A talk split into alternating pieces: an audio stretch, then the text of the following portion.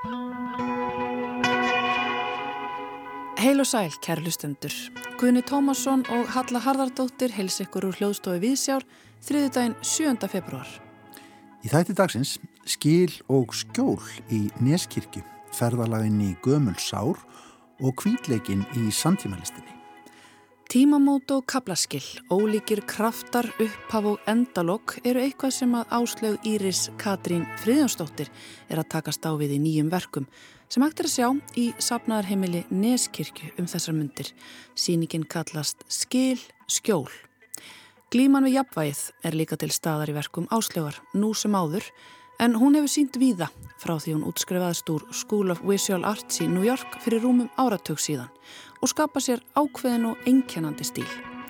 Verkanar einkennast meðal annars af mikilli efniskent en á þessari síningu vinur hann í fyrsta sinn heilu verkin með marmara Við lítum inn í Neskirkju með áslögu Írisi í þætti dagsins.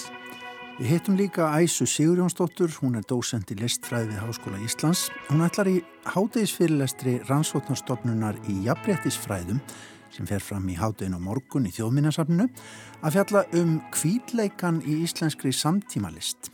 Kvítleika hugtakið hefur sjaldan verið notað í myndlistargagrinni á Íslandi þrátt fyrir að fræðimenn hafi um nokkur skeið beitt tí til að afhjúpa kynþáttaheggju og karlagar staðalýmyndir, tungumáls og íslenskrar menningar. Við spyrjum út í kvítleikan og samtímalistina í þætti dagsins. Æsa Sigurjónsdóttir verður fyrir svari. En við hefum þáttun í dag á Leikós Ríni.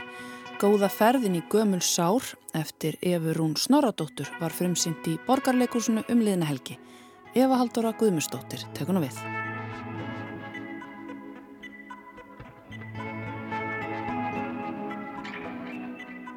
Ísland er hins einn paradís þar sem öll fá að vera þau sjálf. Þessa setningu saði ég ófá skipti þegar ég ferðaðist um heiminn þegar ég var tvítug. Ég var stolt af því að koma frá landi sem er virti mannréttindi. En stöttu eftir heimkomi mína úr ferðaleginu brotnaði þessi ímynd mín af heimalandinu. Vinnu minn ringdi í mig af bráðamáttökunni höfukúpubrotin því hann hafi verið lamin fyrir það eitt að kissa kærasta sinn utan dyrra. Ég trúði þessu ekki. Það hlaut að vera einhver miskilningur. Það lemur engin neitt fyrir það eitt að vera samkynneður. En því miður átt að ég mig á því að kannski var ekki allt sem síndist í hins einn paradísinni. Ég upplifiði sömu undrun og reyði þegar nokkur ungmenni síndu ómælt haurekki og komu fram í kastljósi nýverið til að lýsa aðkasti sem þau verða fyrir nánast daglega. Er þetta enna gerast? Það getur ekki verið að 15 árum síðar sé enn verið að beita hins einn fólk ofbeldi hér á landi. Ég skammaðist mín og áttaði mig á því að við höfum sopnað á verðinum.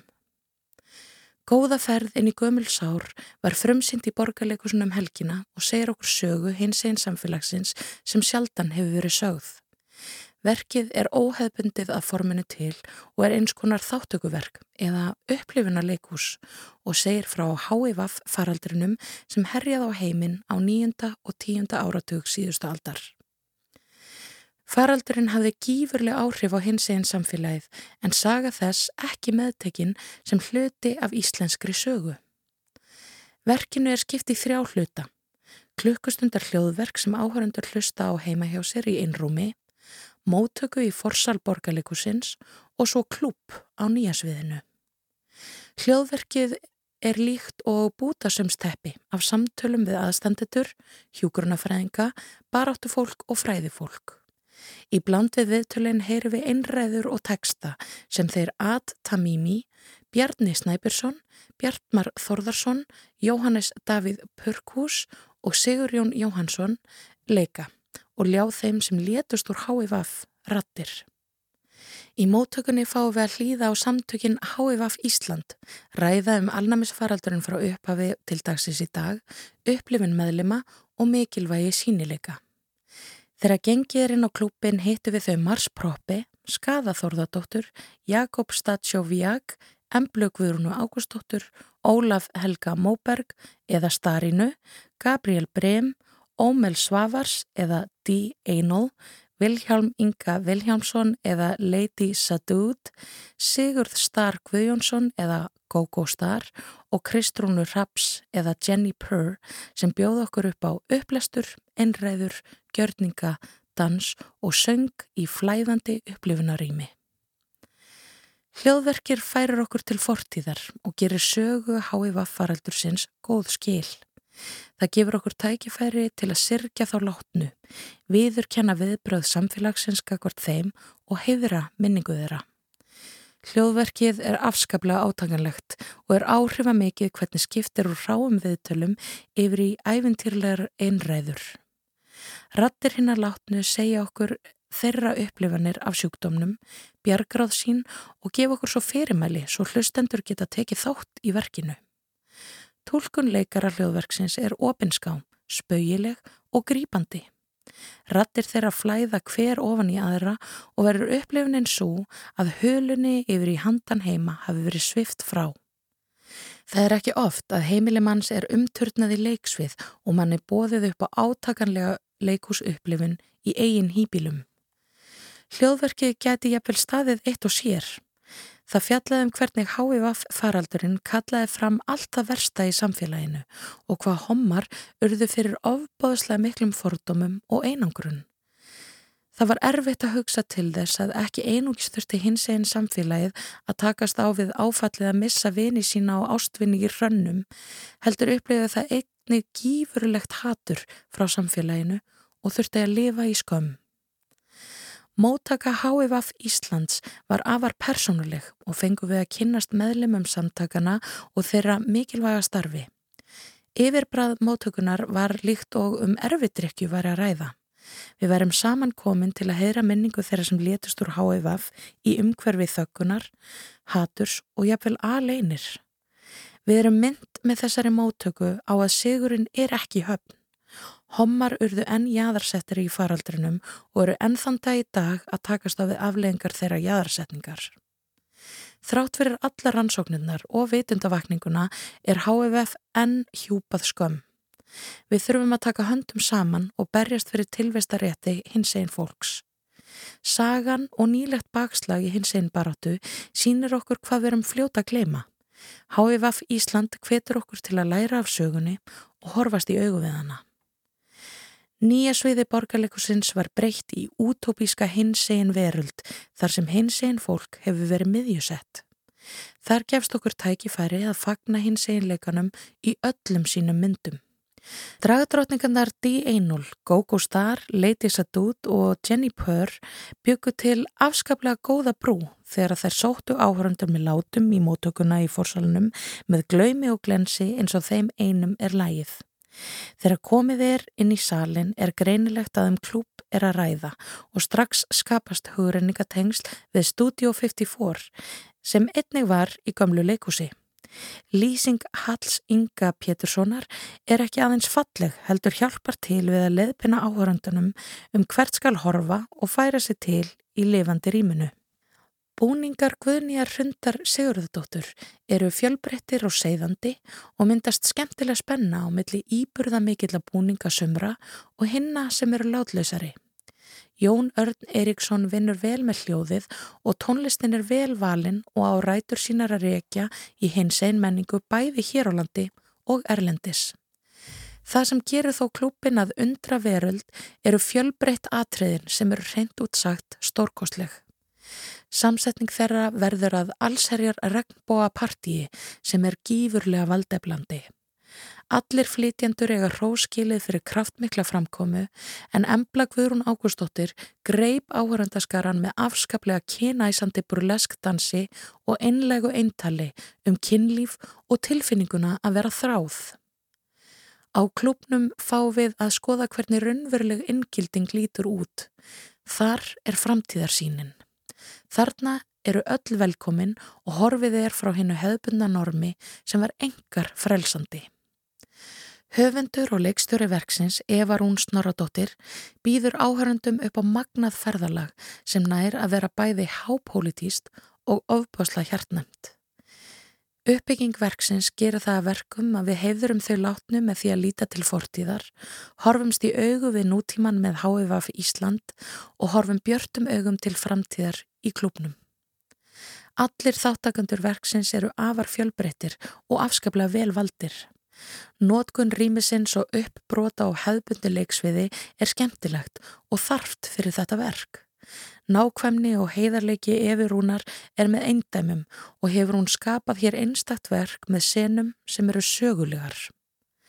Hún bendir dável á að hins einn fólk er búið að fá alls konar réttindi á bladi hér á landi en þó er enn mjög langt í land og við eigum enn lengra eftir hvað varðar viðhorf, virðingu og rými.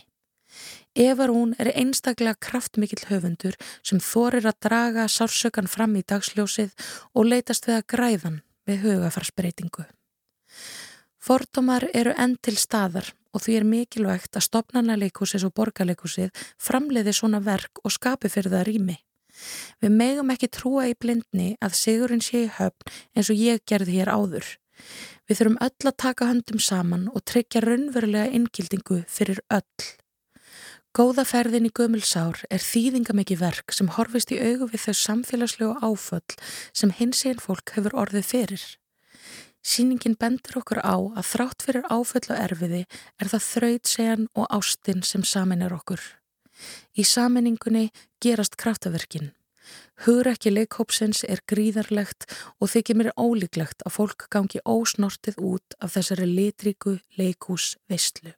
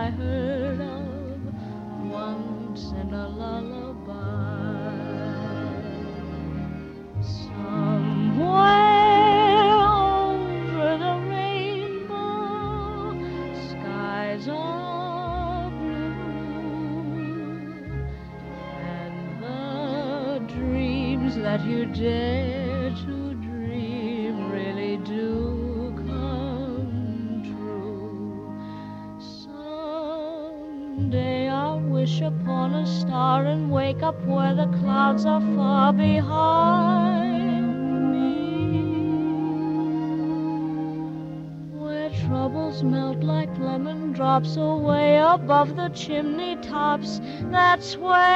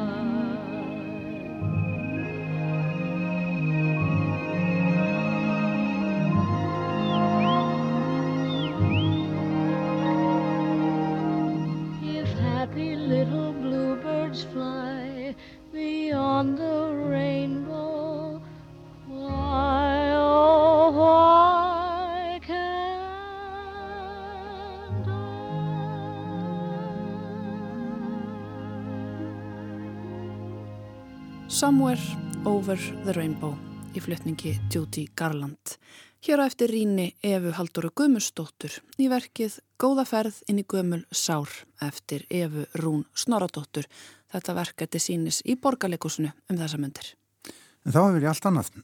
Rík, rannsóknarstofnunni Jafnbrettisfræðum, stendur nú á vormessiri fyrir fyrirlestraröð sem að fer fram í fyrirlestrarsal þjóðminnasaps Íslands við Suðugötu og er tilenguð af nýlendu væðingu. Annar fyrirlesturinn í rauðinni fer fram á morgun og er öllum opinn klukkan 12 á hádegi en þá ætlar Æsa Sigurjónsdóttir dósend í listfræði við Háskóla Íslands að tala í fyrirlestri sem hún kallar kvítleikin í íslenskri samtímalist. Við hittum Æsu í morgun og spurðum fyrst út í það út frá hvaða hugtökum hún ætlaði að tala í hádeginu á morgun. Já, annars vegar að þá erum að ræða þetta hugtak af nýlendu væðing og hins vegar er það kvítleika hugtakið eða rannsókn á því hvernig eh, listamann hafa brúðist við eða gaggrínt uh, í sinni myndlist mm. uh, og verða að skoða sinn kvítleika. Mm. Hvað erum að tala um þegar við erum að tala um kvítleika? Við erum að tala um, er það ekki í grunninn forréttindi einhvers konar? Jú, við erum að tala um þetta sagleysi uh, og við erum að tala líka einmitt um þessi forrættindi og þetta er einmitt, uh, eru einmitt þau tóttök sem að, sem að hérna, myndlistamenni eins og Óla Nordal og Magnús Sigurðarsson hafa verið að rannsaka. Mm. Ef við skoðum hvernig einstakar dæmi um þetta, hvernig hérna til dæmis annarkvort Ólu eða Magnús eða ég vil bæði? Já, uh, tökum Magnús Sigurðarsson, hann uh, fór uh, snemma að svona upplifa sig þegar hann fór til náms eh, til bandaríkjana þá segist hann, segir hann einmitt frá því að hann hafi upplifað sig sem í fyrsta skipti sem kvítan mann. Og hann hafi gert sig grein fyrir því hversu mikil forréttindi það voru fyrir hann að, að vera slíkur í bandaríkjónum og hann tólkar þetta á mjög svona, já, spauilegan hátt og kannski tóltið írónískan hátt líka í sériu sem hann gerði fyrir rúmlega 20 árum uh, og var sínd á síningu sem hétt uh, á barmi einhvers þar uh, sett hann sjálfan sig í mis svona klísjur kent hlutverk. Meðal annars þá leta hann mynda sig í hlutverki vikingsins sem var svona liggur á ströndinni einhvers konar landnemi. Nú kannski þekktasta myndin er mynd sem að ber titilinn sá stóri kvíti og það liggur að nakin í svona hafmegarstellingu á útblásinni vindsang uh, sem er í líki keikós, kvalsins keikós eða háherningsins keikós mm -hmm. og allt þetta er uh, svona sjálfskoðun aðeins á þessum, í raunin á þessum forréttundum hvita kallmannsins mm -hmm. á þessum tíma. Þetta er hugdag sem hefur verið lengi kannski á svona floti ímsum fræðum, til dæmis mannfræði og, og svona þessum nýlendu fræðum öllum saman, en hefur kannski ekki verið mikið beitt í samtíma myndlistarsamhenginu og, og ekkert sérstaklega hér náttúrulega. Það var margi fræðum með rannsakað uh, kvíðleika hugtæki, til dæmis Kristi Loftsóttur, hún hefur skrifað mjög mikið um það og uh, auðvitað þá uh, eru þessi fræði, þau eiga sér langa sögu og uh, sérstaklega í bandaríkjónum. E, nú hér á Íslandi að uh, þá hafa margir skrifað um það hversu Íslandingum var mikið í mun að skilgreina sig sem kvíta Evrópabúa e, þegar þeir hófu sína sjálfstæðis baráttu. E, við reykumst líka á það í ymsum textum, auðvitað er oft talað um þessa frægu nýlendursýningu sem var í Kaupmannahöfn þegar að námsmenn brugðustu því að þeir vildi ekki vera syndir í samhengi eða með Afrikubúum eða öðrum nýlendubúum dönskum mm -hmm. og en það er líka í kemur við að fram á upp úr 1940 eða sérstaklega í kringum heimsýninguna 1989 þegar Íslendingar eru fyrst með þennan stóra síningaskála í New York og skipleiki hann uh, alveg sjálfur að miklu metnaði að þá kemur þetta líka í ljós. Og þá er það einmitt sem að, sem að hérna, Ásmöndur Sveinsson uh, er fenginn til að gera þessa frægu stittu sem að miklar hefur vækið umtal nýlega uh, sem að fekk þennan titil uh, Fyrsta hvita múðurinn. Í bandaríkjónum, já. Í bandaríkjónum, já. Sko, en ef við hugsaum kannski aðeins nær okkur aftur og og þessi listamenn sem þú ert að skoða í þessum pælingum þínum núna eru kannski daldi mikið að skoða þetta nýri kjölinn það er að segja grítisera kvítleikan og átt að sjá því hvernig kvítleikin byrtist og, og svona teflunum fram sem umfjöldunarhefni en er ekki þetta að horfa á kvítleikan sem ennfallega bara hann hafi verið til staðar daldið eins og hjá ásmundi? Er þetta eitthvað sem að, er þetta að finna víða í eldri íslenskri myndlist svona gaggrínist löst skulum við segja? Já, á nefa og, og þetta hefur náttúrulega meira verið rannsakað innan bókmyndana mm. Og þá sérstaklega kannski hvernig eh, Íslendingar aðgrændu sig svona frá hinum og þá kom upp í hugan svona ímis orð sem að líka hafa verið rannsökuð eins og orðið skrælingi, mm -hmm. e, villimaður, blámaður, mm -hmm. allt eru þetta svona mjög gildislaðin orð mm -hmm. og uh, í samtímanum að þá er þetta náttúrulega einmitt hluti af þessari endur skoðun listasöguna líka og svona þessara kanonísku listasögu og líka bara myndlistarinnar í heild að myndlistin er í sjálfur sér svona mjög sko karlægt fyrirbæri og og hvít og, hvít. og myndlist frá öðrum heimslutum að hún hefur ofta voru oftur í litið hana sem uh, einhvers konar handverk mm.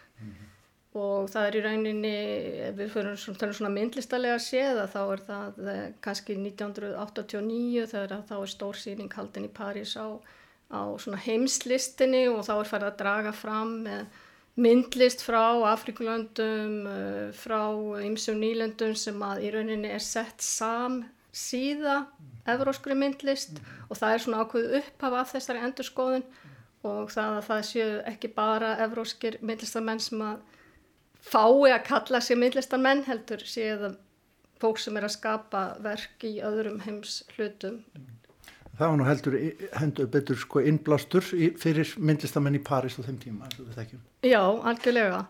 Og svona breyttið aldrei mikið. Það var eins og það verið svona svolítið verið að stokka upp og gefa aftur. Já.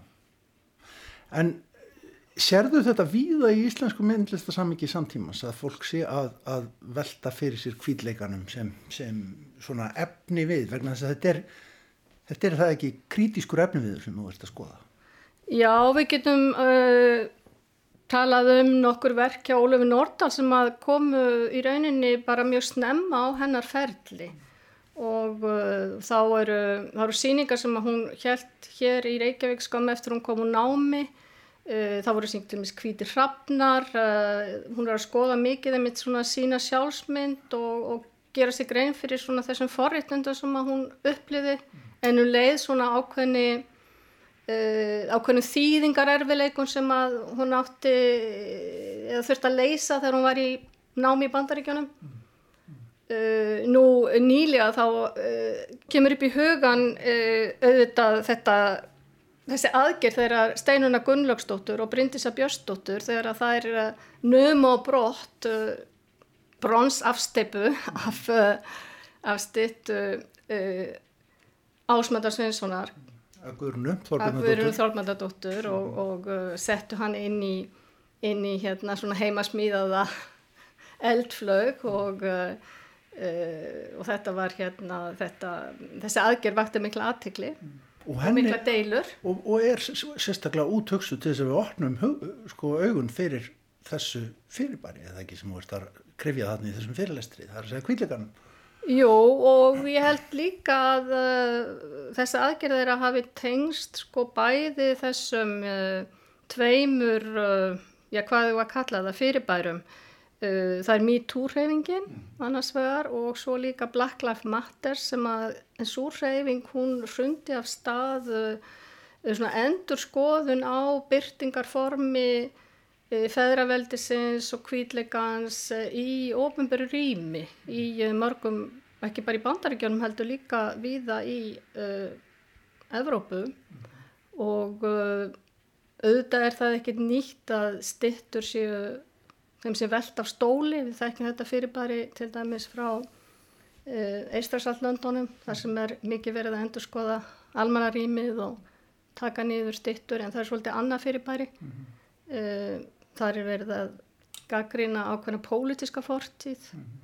Þannig er líka verið að gera þetta í, í Breitlandi auðvitað með, með svona fyrrum já, landegundur í, í fjarlagun löndum og svo framvegis. Já, þrælahaldara og, og, og, og svo framvegis. Mm. En sko,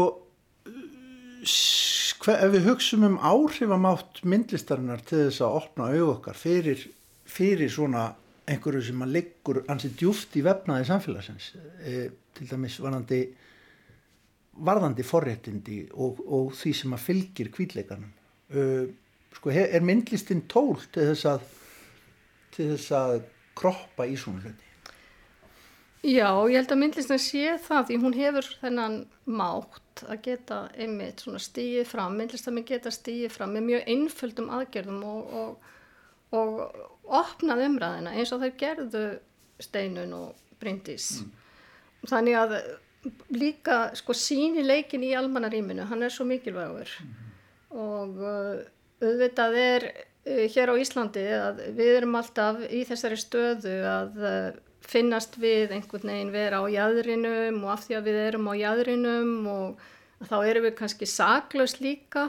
Daldi stikk frí. Og daldi stikk frí emitt og uh, þannig ég held að þetta þurfi að íta svona við bæði myndlistamönnum og fræðumönnum til að skoða og endur skoða sko stöðuna því að þetta fjalla líka mikið um sko upprunan og uppruna myndlistarinnar og, og hvaðan kemur myndlistin í rauninni og, og, og hvernig verður hún til og hver er, hvert er hlutverk myndlistamannsins líka í okkar samfélagi það er að breytast mjög mikið.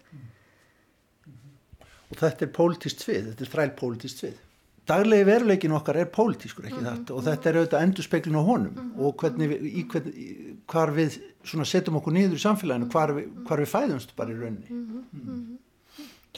Já og svona þráttur því að við hefum alltaf verið og upplifað okkur á jæðrinum og kannski okkur hefur fundist að Íslensk myndlist hafi átt erfitt uppdráttar í þessu stóra alþjóðlega samhengi að, að þá við þetta eignast svona stór stjörnur á allra síðustu árum og þá er ég að hugsa um Björg, Ragnar Kjartánsson og jæfnvel Ólaf Viljásson mm.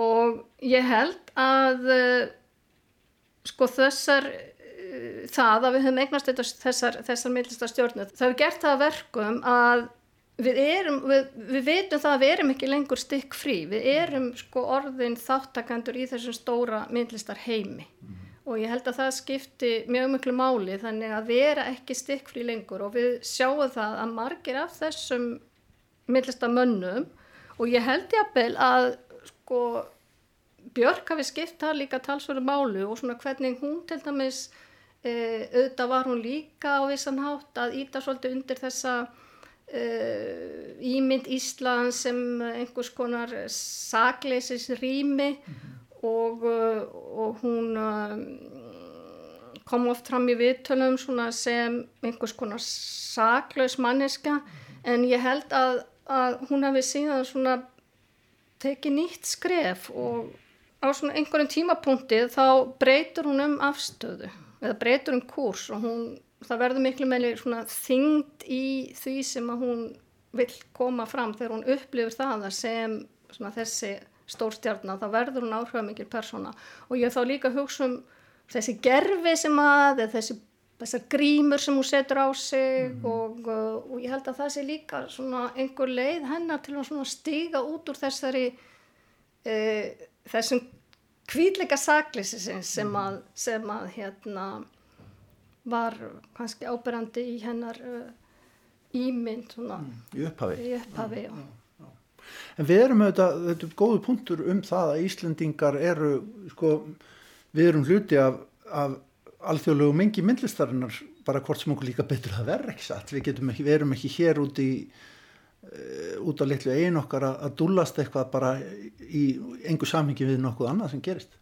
Já, það er auðvitað mikilvægt og þessi e, svona, þetta nýja samhengi sem að verður til á 2001. öldinni og, og þessi baráttu mál sem að millistamenn fara líka að, að beita sér fyrir nú náttúru vernd uh, uh, sem að var mjög ábyrjandi hérna í byrjun aldarinnar, 2001. aldarinnar og, uh, og núna sjáum við það líka Íslands samfélag er að breytast og millistamenn eru að án efa að byrja að, að velta fyrir sér hvernig eigum við að, að hérna uh, bregðast við þessum breytingum mm -hmm.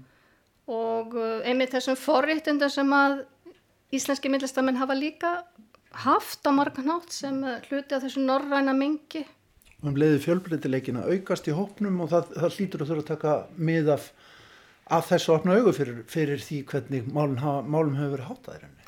Já og auðvitað er bara mjög spennand að sjá að það eru líka að koma upp uh, nýjir myndlistamenn úr þessu markbreytilega samhengi og uh, það verður mjög forvindnilegt í framtíðin að uh, fylgjast með því hvernig uh, bara þeirra uh, þáttaka verður.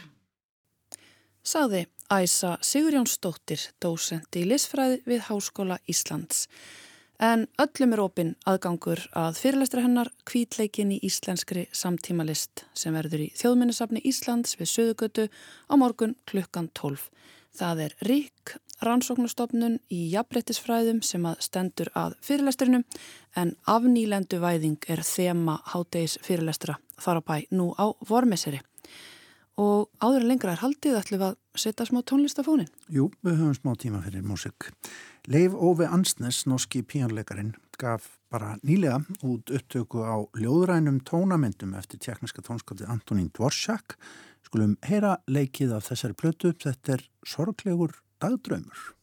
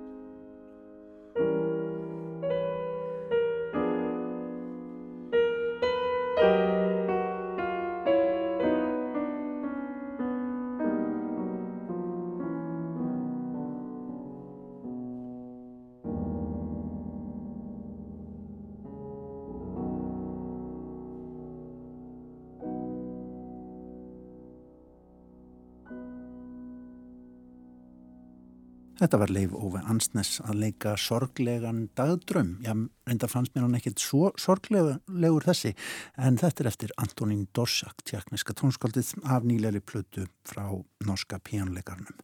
En þá höldum við okkur áfram við myndlistina. Já, Áslög Íris Katrín Fríðansdóttir sínir nýverk í safnaðarheimili Neskirkju um þessa myndir. Sýningin kallast Skil skjól. Tímamót og kaplaskil, óleikir kraftar, upphaf og endalog eru eitthvað sem að Áslög Íris er að takast á við í þessum nýju verkum sem enginnast eins og svo ofta áður í hennartilfelli af ríkri efniskjent. Áslög notar fúu í staðstryga og blandar steinum við málingu og hér notar hún í fyrsta sinn marmara sem aðal efni. Við skulum líta inn í Neskirkju.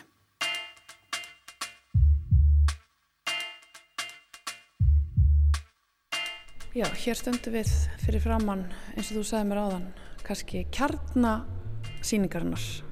Jú, um, hér erum við með rósir sem að ég hef mótað úr marmarabrótum og uh, ég var ansess að sýninguna doldið svona opið, uh, allt ferlið var svona óvissu ferli, uh, líka kannski vegna þess að þetta er í fyrsta skipti sem að ég vinn með marmara í verkum mínum allavega á þennan hátt. Og uh, það var svolítið bara þannig að ég var í stúdjónu og, og hérna viss að mér langaði að nota þetta efni og, en vissi ekki alveg hvað myndi gerast. Og svo var ég að ræða brotum saman og horfa á þau og allt í einu byrtast mér þessar rósir. Og ég fekk svona ofslega sterkar tilfinningu og tengdist þeim og mér fannst þær vera að springa út svona alveg ábæðslega hægt á eiginlega svona jarðsögulegum hraða. Og eftir því sem ég bætti við litlum steinabrótum svona í jæðarinn þá hérna fannst mér þær vera að opnast meir og meir og meir. Og ég bara fann það að þetta er því svona kjarni síningarinnar og, og hérna og allt myndi svona hverfast í kringum þessi verk hér í þessum rósum þá ertu greinlega að vinna með fundið efni. Þetta eru afgangsefni sem ekki mikið er búið að skera í. Það er eins og þetta séu brot. En hérna í þessum hinverkum sem eru til mótsvið rósunar, þar sér maður þessi, þessa línur. Það er greinlega, maðurinn er búin að vinna með þetta efni. Maður finnur ekki að mikið fyrir því hér. Nei, einmitt. Eh, það er, þau völdust svona, þau eru meira svona organískari í rósunum uh, en í heinum smerri verkunum þá, já, þá er alltaf þessi mannlegi skurður, þetta er náttúrulega afgangsefni og, og kemur bara úr steinsmiðjum hérna á Íslandi og, og, og hérna ég fæði þetta bara svona upp í hendurnar. Uh, þetta er eitthvað sem hefur fallið til og brotin áttu, áttu kannski að vera Já, þetta hefði geta verið eldús hérna, borplötur eða eitthvað álíka en þetta er náttúrulega bara það efni sem við á Íslandi hérna, höfum aðganga að. Við hérna, erum ekki með marmarafjöll eins og í öðrum löndum. Þannig að mér er líka svolítið svona já, bara skemmtilegt að veist, það, þetta er bara raunveruleikin mm -hmm. ég er listamæður á Íslandi og þetta er efniviðurinn sem ég hef aðganga að en samt náttúrulega ber marmarinn með sér svo mikla sögu og vísar í listasöguna og bara í heimsöguna. Og, og ég hef mikið áhuga á því.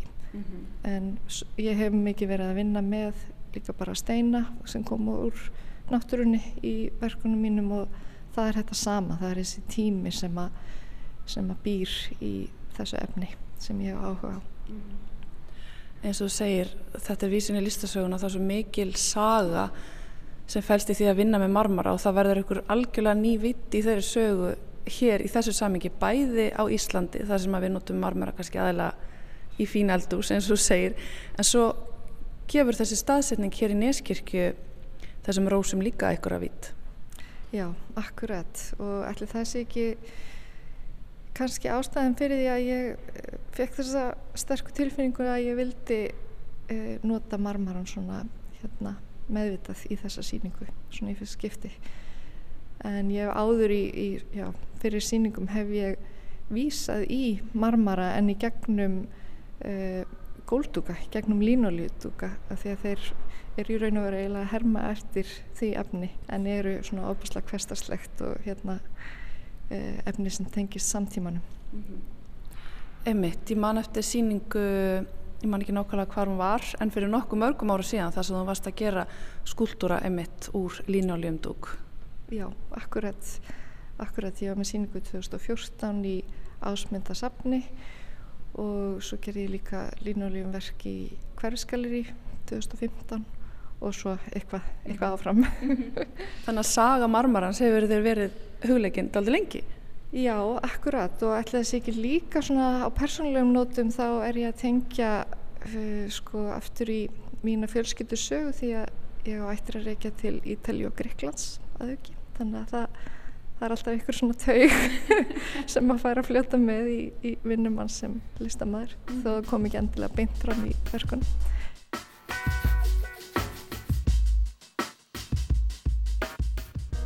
En áslög, að það er ekki bara marmarinn, verkiðin eru alltaf mjög svona, það er mikil efniskend í þeim. Já, algjörlega og ætli það sé ekki alltaf svona, já, mér finnst þess að það sé svolítið svona kveikin alltaf hjá mér, ég dregst að efnu og, og þú veist, byrja að vinna í því. Og já, ég var hérna með listamannaspjall á sunnudaginn og, og, og var einmitt að lýsa því hvernig að ég vinn verkin sko flöt, þau liggja fyrir fram á mig að því að það eru, hérna, ég festi steina á þau og meðan þeir eru ekki fastir á þá verða verkin að liggja flöt. Og þannig að ég er alltaf að horfa niður þegar ég vinn verkin og náttúrulega efnið, þú veist að bara það er svo mikil hjartenging í því.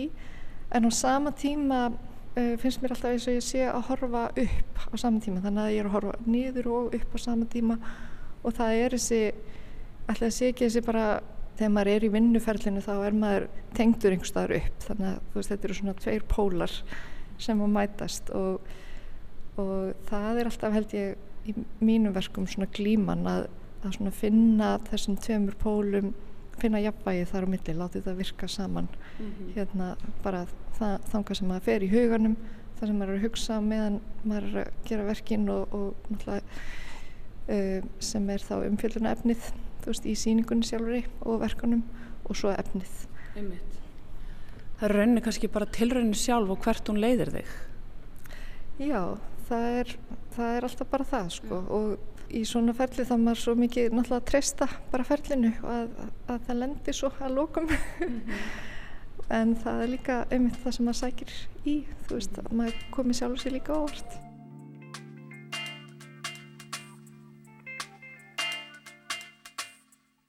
Síðast þegar ég hitti þið þá varst að vinna með, með tungumál og, og form og tákn en hér finnst mér vera einhver meiri svona náttúra og, og jáfnvel steinarnir að tala við ég veit ekki, það er svona mikil hreyfing í verkunum, kannski einhver tákstreita, ég veit það ekki.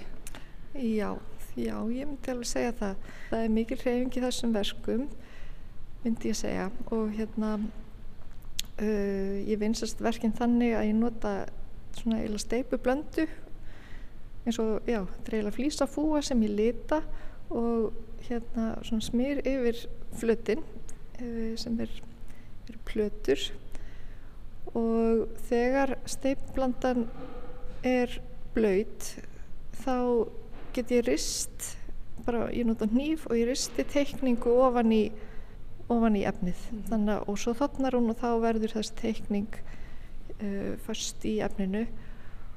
Og svo er það eftir á sem ég svara þá því sem er komið fyrir fram á mig og svara því með málverki yfir og nota svo steina.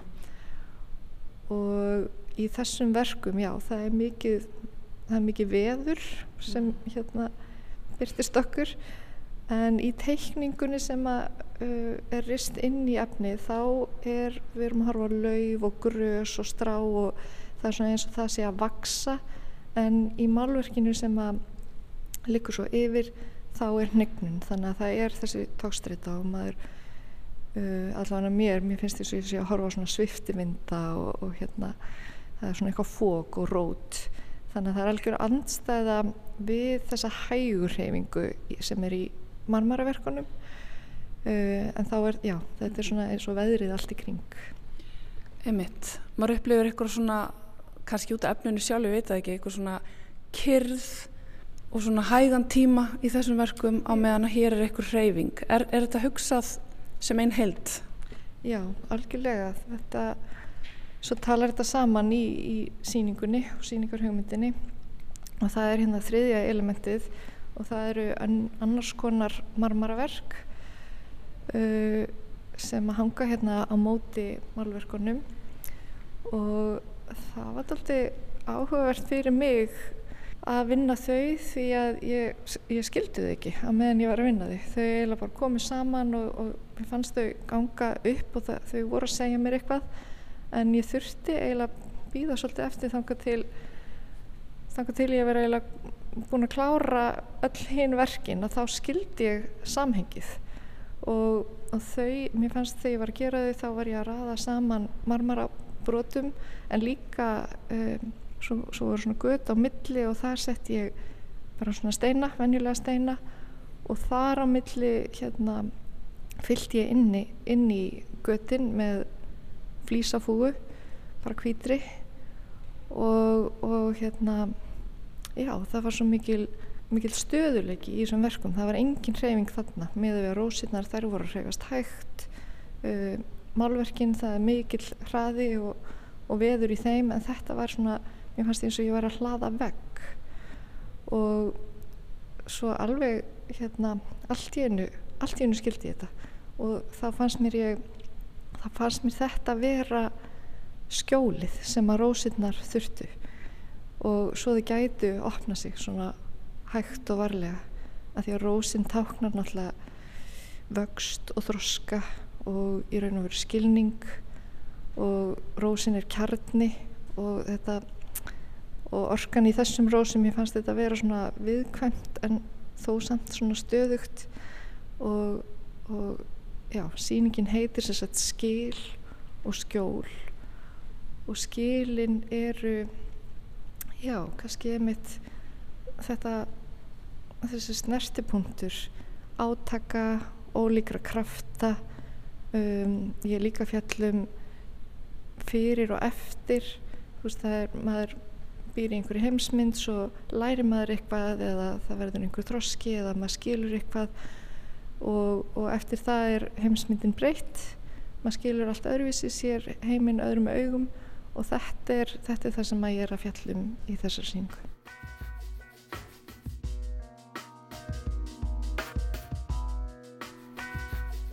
Já, einmitt. Já, mér heyrist þú vera að fjalla með einhvers konar kablaskill eða jáfnveil bara, kannski getur við talað um flekaskill. Já, akkurat. Það er gaman að segja það því að þegar maður horfir til dæmis á marmaraverkin þá er eins og þú sést að horfa ofan á kannski landslægur flugvél og hérna það kom líka til mín mitt uh, eh, og það er náttúrulega líka efni þessi marmara steinn og það er svo mikið líf í honum og, og hérna einmitt mm -hmm. Þetta hljómar þess að þetta hafi verið mjög svona lærdomsrikt ferli að vinna þessa síningu uh, frá hvaða stað kemur hún? Hún eiginlega eins og allar mínar síningar þá þá er þetta framhald uh, að bara því sem ég hef verið að gera áður en ég held í þessar síningu hef ég left mér að vinna ennþá opnara og, og hérna já það var mikil svona tilraunamennska og, og í raun og veru líka svona andleg vinna sem kom með og kannski var það þetta rými sem að svolítið gaf mér leiði til þess þú veist ég er að sína hérna í safnaðar heimil kirkju og þetta var bara ótrúlega fallegt ferli fyrir mig. Já, lærdómsríkt og fallegt ferðalaga að baki þessari síningu, segir listakonan Áslug Íris Katrín Friðjánsdóttir sem að sínu nýverk sín í sapnaðarheimili Neskirkju um þessa mundir á síningu sem hún kallar Skil skjól. Já, og þá eru við næstum komin að leðalokum í dag. Við ætlum að enda þáttin á því að lefa lægi sem að hljómaði hér í inslægin að hljóma til enda Þetta er breska hljómsveitin Massive Attack og lægið Better Things.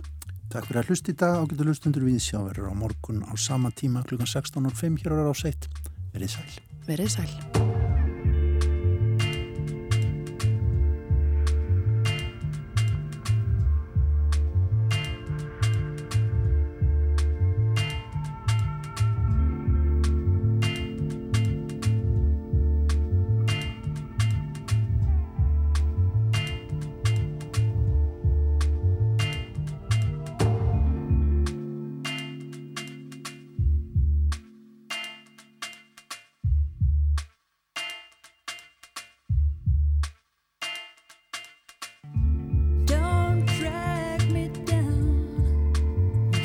cause you're down.